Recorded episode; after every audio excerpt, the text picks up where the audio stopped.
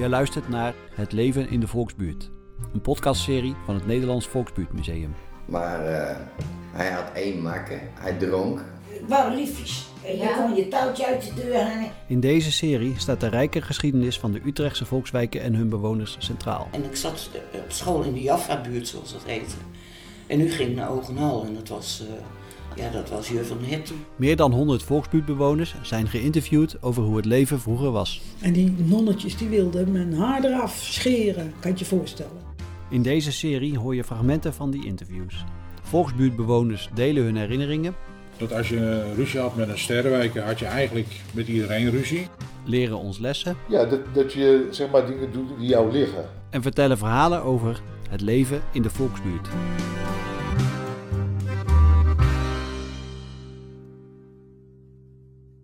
Aflevering 6. Het mooiste meisje van de klas. In deze aflevering praat Maria van het Volksbuurtmuseum met Riet van Buren. Ze vertelt onder andere over hoe er vroeger werd omgegaan met seksualiteit en een vroege zwangerschap. Het gesprek schetst eerst een beeld van een gezin waar het niet altijd gezellig was. Eh, dit is Maria Drewes en ik ga praten met... Riet van Buren Waar ben jij geboren? in de Vlijtstraat, In de Vlijtstraat in Utrecht. En wanneer ben je geboren? 1949. En wie was jouw moeder? Maria, Ali, Martens, Martens. En wat voor persoon was zij als je haar moet omschrijven? lui mens. Lui? Zat altijd bij de buurvrouw. Heeft zich nooit aangetrokken van de vijf kinderen die ze had. Ah, sorry. En eh, wie was dan jouw vader en wat deed Dat hij? was Kees Uitenbos. Hij werkte op het abattoir Ja? op de Amsterdamstraatweg. En die was eh, huiderzouter. Dus die pekelde de huiden van alle koeien die geslacht werden. En eh, mijn vader liep letterlijk en figuurlijk het hele jaar in diezelfde broek rond te stappen. Die stonk een uur in de wind.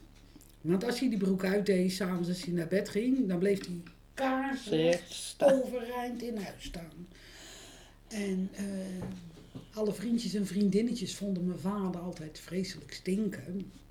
Maar wij roken dat niet.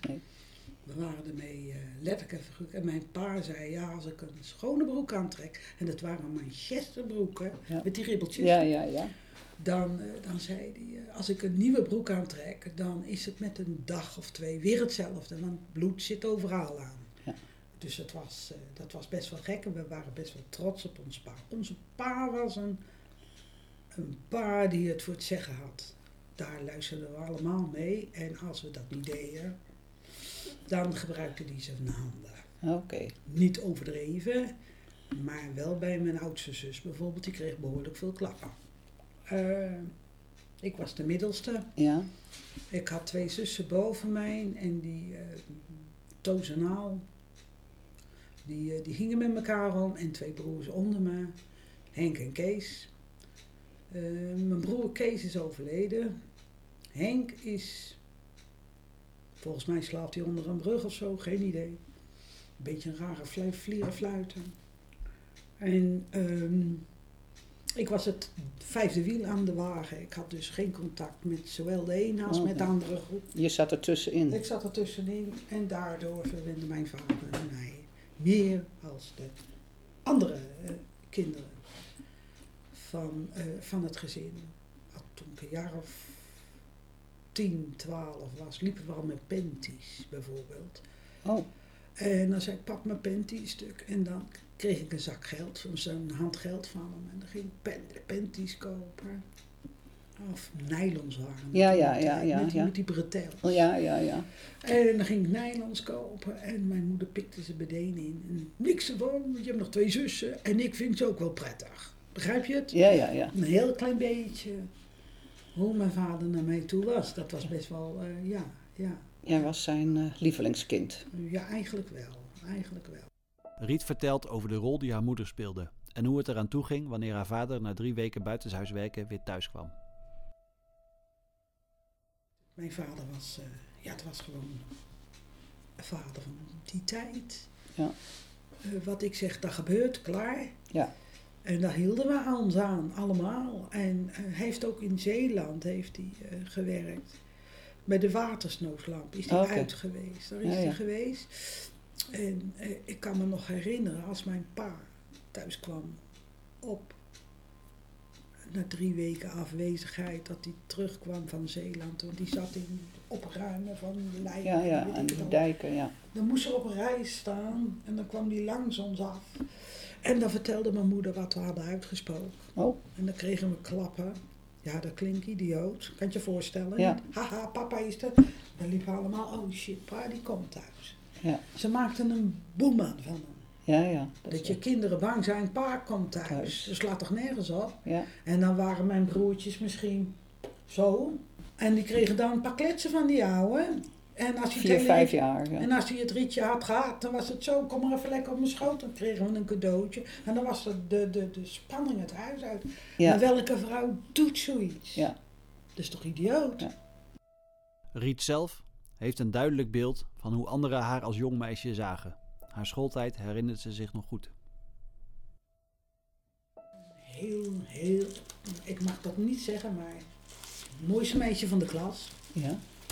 Heel lang haar, met krullen. Je kunt het zien. ja, ja, ja, ja. Ehm, hele grote ogen in mijn kop. En ehm, iedereen liep weg met mij. De buren, de buurvrouwen, weet ik het allemaal. Dus ik was best wel een beetje eh, Populair. het poppie, eh, het poppie in de straat. En eh, populair is een groot woord, maar dat heb je niet door. Dat realiseer je pas als je wat ouder bent. Dat je toch wel... ik kreeg cadeautjes van de buren, mijn andere broers en zusters niet. Hoe ging het op school? eh? De school was eh, de school met de Bijbel op de Eerste Dalse Dijk. Dat was een, een schoolgebouw met een hele lange poort. En als je dus naar het school, dan, eh, dan ging de bel, dan vlogen we allemaal in onze rij. Handje aan handje aan. Ja. Eerste klas, tweede klas, zo op een rijtje. In de eerste klas ging het eerste naar binnen, totdat alles naar binnen ging. De school was eh, streng. En we hadden natuurlijk ook nog de nonnetjes die ons haar kamden. En eh, ik had heel lang haar. Ja. En eh, keertje had ik dus ook van die bladluisjes, of hoe heet die, Ja, die ja, dingetjes in, dingen in je haar zitten. En die nonnetjes die wilden mijn haar eraf scheren, kan je je voorstellen. Ik, eh, ik ben daar gevlucht, bij, bij, dat, eh, bij dat gebouw waar die nonnetjes in zaten. Dat was een, een heel klein doorlopend straatje aan de overkant van de Eerste Daalse Dijk. De school die zat hier en de nonnetjes schuin aan Ja. de overkant. Ik ben daar gevlucht en die nonnetjes achter me aan in die, in die, in die, in die witte geladen, grijze, lichtgrijze toen, kent je voorstellen. Ja. Maar ik ben gevlucht naar huis toe en mijn moeder heeft toen een flesje neven op mijn hoofd gegoogeld. een plastic zak en de handdoeken en is heel boos naar die nonnetjes toegestapt van jullie blijven met je fikken van mijn dochters haar af. Want anders had ze echt ongelooflijk ruzie met mijn vader gehad. Simpel is, ik was de enige met lang haar. Oh ja. Ze herinnert zich het spruiten schoonmaken met het hele gezin. Ja. En je hebt natuurlijk ook de periode gehad dat we dus voor, eh, voor hak werd, eh, werden de kisten met spruiten voor de deur neergezet. Oh, Ken je dat niet? nee. Oh, één keer in de, in de week kwam er een vrachtwagen de straat in. En dan eh, eh, werden de spruiten neergezet. Die moesten in die potten verwerkt worden, Ja. of weet ik het, of sperziebonen. Ja, ja. Dat moesten we schoonmaken. Nou eerlijk, dat vonden wij wel leuk. Ja. Ja, mijn moeder vond het ook leuk. We begonnen met één kist. Uiteindelijk stonden er twaalf voor de deur. Snap je het? Ja. We zaten donderjoede elke avond. hadden Onze vingers helemaal blauw van die kleren spruiten schoon te maken. maken. En de ellende is, ja, ook meteen de hele week spruiten. Snap je? Dat is toch leuk? Ja, ja. En dan kreeg je ze voor elke kist. Maar elke kist die dus schoongemaakt werd, werd nog gewogen ook. Voordat Ja, ze de vrachtwagen op zat. En dan zei die vent bijvoorbeeld, jullie hebben te veel van gegeten. En dan kreeg mijn moeder minder geld. Hè? Oh ja, ja, Vind je het niet leuk? Ja. Heeft u dat gehoord of niet? Toen Riet 13 jaar was, ging ze uit met buurtgenoten naar de disco. Riet praat over het gebrek aan voorlichting en de gevolgen voor haar. 14 jaar, 13, 14 jaar ging je al uit. Dan ging Ja. je met de buurtgenoten ging je naar de disco. En ehm, Die was daar ook in de buurt? eh? ja, elk buurthuis had, een Ja, had, ja. een- had een, een, een, een, een, een, Soosavond, een soosavond waar Ja. je lekker kon springen en dansen en weet ik het. Je wordt dus natuurlijk ook mijn ouders, eh, mijn vader en dingen, die vonden alles goed. Oh, Oké. Maar, hij had er geen last van. Huppakee, snap je? Ja. Ja, ja. Dus dat betekent ook dat je heel snel eh, diep ingegooid werd. Je werd al heel gauw het diep ingegooid. Ja. ja. En, ja, ja, en ik was natuurlijk best wel een mooie meid. Klink idioot, veel vervelend. Dus aandacht kreeg je nog. Oké. Ook Ja. de verkeerde aandacht. Ja, Maar dat heb je dan niet door. nee. Nee, Want werd je daar een beetje op voorbereid of was het zo, nee nou, ga je gang niet. maar? Nee, natuurlijk niet. Ook niet door jouw zussen, die ouder Nee, waren? de enige voorlichting die ik gehad heb was toen ik op 1 april 11 jaar oud was, ongesteld werd. Jankend naar mijn moeder ging, want ik had bloed in mijn broek. Ga maar naar je zus, die, vert- die legt je wel uit wat je moet doen en die, eh, die vertelt wel hoe het zit. Dat is de enige voorlichting die ik gehad dan. Ga maar naar je zus. Die ligt het je wel uit. Zus. En die was dus, die werkte bij Van Houten in de chocoladefabriek. En die kwam dus middags thuis. En dan liep je dus de hele godganske dag met smerig goed aan. Niet wetend waarvan? Niet weten waarom en waarvan en dat. Ja. En eh, ja, dat heb ik er ook heel erg kwalijk gedaan. Ja. Ja, ja, maar eh, als mijn oudste zuster, die had natuurlijk een beetje verkering met Dirk. En die zaten dan op de bank en dan als ze hadden, dan eh, kwam mijn moeder eraan en die gaf eh, Dirk bijvoorbeeld een klets of zo. Die is ook met 16 het huis uitgegaan en die was al getrouwd voordat ze 17 was. Ik daarentegen werd zwanger, na de eerste keer rampetampetampe op zijn Hollands gezegd. En eh, van een vent die 23 jaar was terwijl ik zelf 15 was. Zo. Maar je werd niet eh, gewaarschuwd van je zorgt dat je niet zwanger wordt? Of Lieve dat... schat, daar werd werd niet over gesproken. gesproken. Kom je daar nog bij? Ja. Riet ging naar de dokter en wist niet wat ze meemaakte. Maar hoe kwam je erachter dat je zwanger was? Omdat ik meer ongesteld werd. En dat heeft, denk ik, twee maanden geduurd voordat je dat door hebt. Dus toen ik naar de dokter ging, was, was het al tien weken of zo. Zo. El- elf weken of zo. Ik dus naar de dokter toe, Ossendrijven heette die dokter. En ik vertelde dus dat ik een beetje, dat ik niet meer ongesteld was. En die man zegt, je komt maar terug met je moeder. Dus je, ik kijk nergens uit, zegt, je komt maar terug met je moeder. Ik denk, oh, wat is dit, hè? Maar, maar Ja. ik wist niet dat ik zwanger was, oké? Ja. Dus ik naar huis toe en ik, maar ik had wel een heel klein beetje een raar iets, want je voelt wel Ja. wat, hè? een beetje vreemd. Dus ik eh, naar huis toe en, en dat heeft ook nog 14 dagen geduurd. Snap je het? Voordat ik het tegen mijn moeder zat. Dus toen ben ik weer aan mijn oor naar de dokter gesleurd. En toen bleek ik dus dat ik eh, eh, ruim drie maanden zwanger was. Ja. En ja, dat, eh, dat gaf. Ik werd eerst ongelooflijk. Ik kreeg een pak slaag van, van pa toen hij thuis kwam. En daarna hebben we samen gehuild, hij en ik. Want hij moest me een pak slaag geven, die man. Ja. En toen kreeg ik dus een zoon, Cor. En dat was het mooiste kind van de wereld. Prachtige kop met krullen en hele gidsdonkere ogen.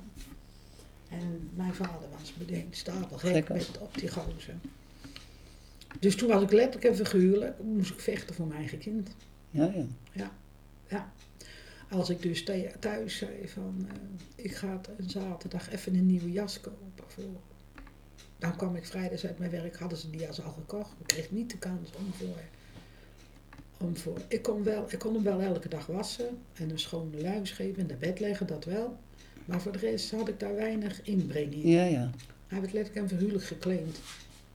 Ik begrijp het ook wel, want het was een hele, hele mooie baby. Ja. Heel mooi kind. Het mooiste kind van de wereld, kreeg Riet. Ze was nog jong, maar genoot ervan. En nu blikt ze terug op haar jeugd. Wat vind je van de kansen die je hebt gehad als kind en later? Wie heeft jou geholpen en wie heeft jou heel erg daarbij belemmerd? Niemand heeft me geholpen. Nobody. Ik heb dat zelf gedaan. Zelfs mijn vader heeft me niet geholpen. Hij heeft me wel gezorgd dat ik zelfzeker en trots op mezelf Ja. kon wezen. Dat wel. Maar hij heeft me nergens mee geholpen. Eh, nee, je deed dat zelf. Je ging zelf het onderzoek uit. Eh, ja. Eh, trots. Mijn broers en zusters trokken zich geen flikker van me aan. Want wie was ik? Snap je het? Ja, ja. Dus nee, ik heb, niet, ik heb het allemaal zelf moeten doen. Met veel liefde spreekt ze over haar man Joop, van wie ze veel heeft geleerd. Met, met de vraag van wie heb jou geholpen? Eh, zeker Joop. Joop heeft mij alles geleerd wat ik niet geleerd heb thuis. Die Ja, heeft me leren lezen, boeken leren lezen. Joop heeft me geleerd mensen niet allemaal te vertrouwen. Doe niet iedereen geld geven, want je krijgt het niet terug. Dat Ja. heb Joop me geleerd. Joop heeft me geleerd, hey, slow down een beetje. Me een beetje tegengehouden. Wat zou jij je jonge mensen willen meegeven? Dat ze eens beter moeten eh, opletten. Ik, je hoort ook met jongelui die 20.000 euro schuld hebben. Die er lekker van leven, van lang leven de lol. En niet realiseren dat ze 20.000 euro schuld hebben. Omdat ze zitten te zuipen op een terras. Ja. Dat wil ik ze meegeven. Waar ben je mee bezig? Tot slot reageert Riet op de twee filosofische stellingen. Een filosofische vraag. Vertel. Eh, je hebt twee stromingen. Eh, je hebt Thomas Hobbes en die zegt: De mens is een wolf voor zijn medemens. Mensen zijn vraatzuchtige figuren die van nature een gevaar voor andere mensen vormen, als er niet wordt ingegrepen. Klopt. Je kan kletsen wat je wil. Je hebt die jodenvervolger. Die zei, ik denk, 50 jaar geleden al. In elk mens schuilt een Satan. Als je die te eten geeft, krijg je de holocaust. Dat is wat, deze man ook zegt. Precies hetzelfde. Ja. Exact hetzelfde. Ja. Dus dat is altijd al. Als jij iemand erin steunt wat hij aan het doen is, krijg je vreselijk volk. Ja. Toch? Maar er is ook nog iemand anders, Rutger Bregman, die zegt: De meeste mensen deugen. Ja. Er gebeuren slechte dingen, maar de mens is geneigd tot het goede. Absoluut waar. Klopt. Klopt. Klopt. Als mijn buurman geen eten heeft, ik breng eten in de flat. Ik breng gewoon naar de buren eten als ik te veel gekookt heb. Ja, Hoe achterlijk kan je wezen met een bakje soep naar de buurman, omdat hij alleen in die flat woont. Ben je dan gek of niet? En dat bedoel ik dus ook. Maar ja, ik ben ook nog met de buren bezig. Idioot. Vind je dat raar? nee, dat, dat doe ik ook. Als je, ja, ga je ook met je bakje naar de buurman toe? Ja, nou, het ligt eraan, ja, als het nodig is wel, Dat ja. is toch wel raar, hè? Ja. Mijn zoon zegt, mama, wat doe jij nou? Ik zeg, ja, een bakje voor in de vriezer en een bakje voor de buurman. Oh, als je eten gooi je niet weg. Dan ga je ermee doen. En dan heb ik ook nog Ellie om de hoek. En die had de laatste keer, stond ze s ochtends vroeg helemaal bij me voor de deur. Rieses, ik was gisteren hartstikke ziek. En dan bel jij aan en een boot spaghetti voor mijn neus. En ik had helemaal geen zin om te koken. En dan sta jij met een bord spaghetti voor mijn deur. Je wil niet weten, er ging een wereld voor me open. Dat is toch leuk? Ja. Dat is toch veel leuker als dat je het in de kliko kukelt. Ja, Of niet soms? ja. Nou, dat is, daar hebben ze wel gelijk in.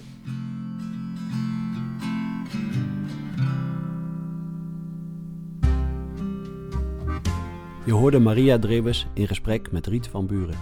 Luister ook aflevering 7. Daarin vertelt Abdelkader Tarioui over zijn jeugd in Marokko en zijn komst naar Nederland. De podcastserie Het leven in de volksbuurt is een productie van het Nederlands Volksbuurtmuseum. Met dank aan Ingeborg Hoonsveld, Bart Verbeek, Jaap Hoeve en de provincie Utrecht. De podcast is gebaseerd op 101 interviews met volksbuurtbewoners. Interviews zijn in 2020 en 2021 uitgevoerd door medewerkers en vrijwilligers van het Volksbuurtmuseum. Uit deze interviews is ook een boek voortgekomen. Het boek Het leven in de volksbuurt is nu te koop. Kijk voor verkooppunten en meer informatie op www.volksbuurtmuseum.nl. En je bent natuurlijk van harte welkom in het Nederlands Volksbuurtmuseum op Waterstraat 27 in Utrecht Centrum.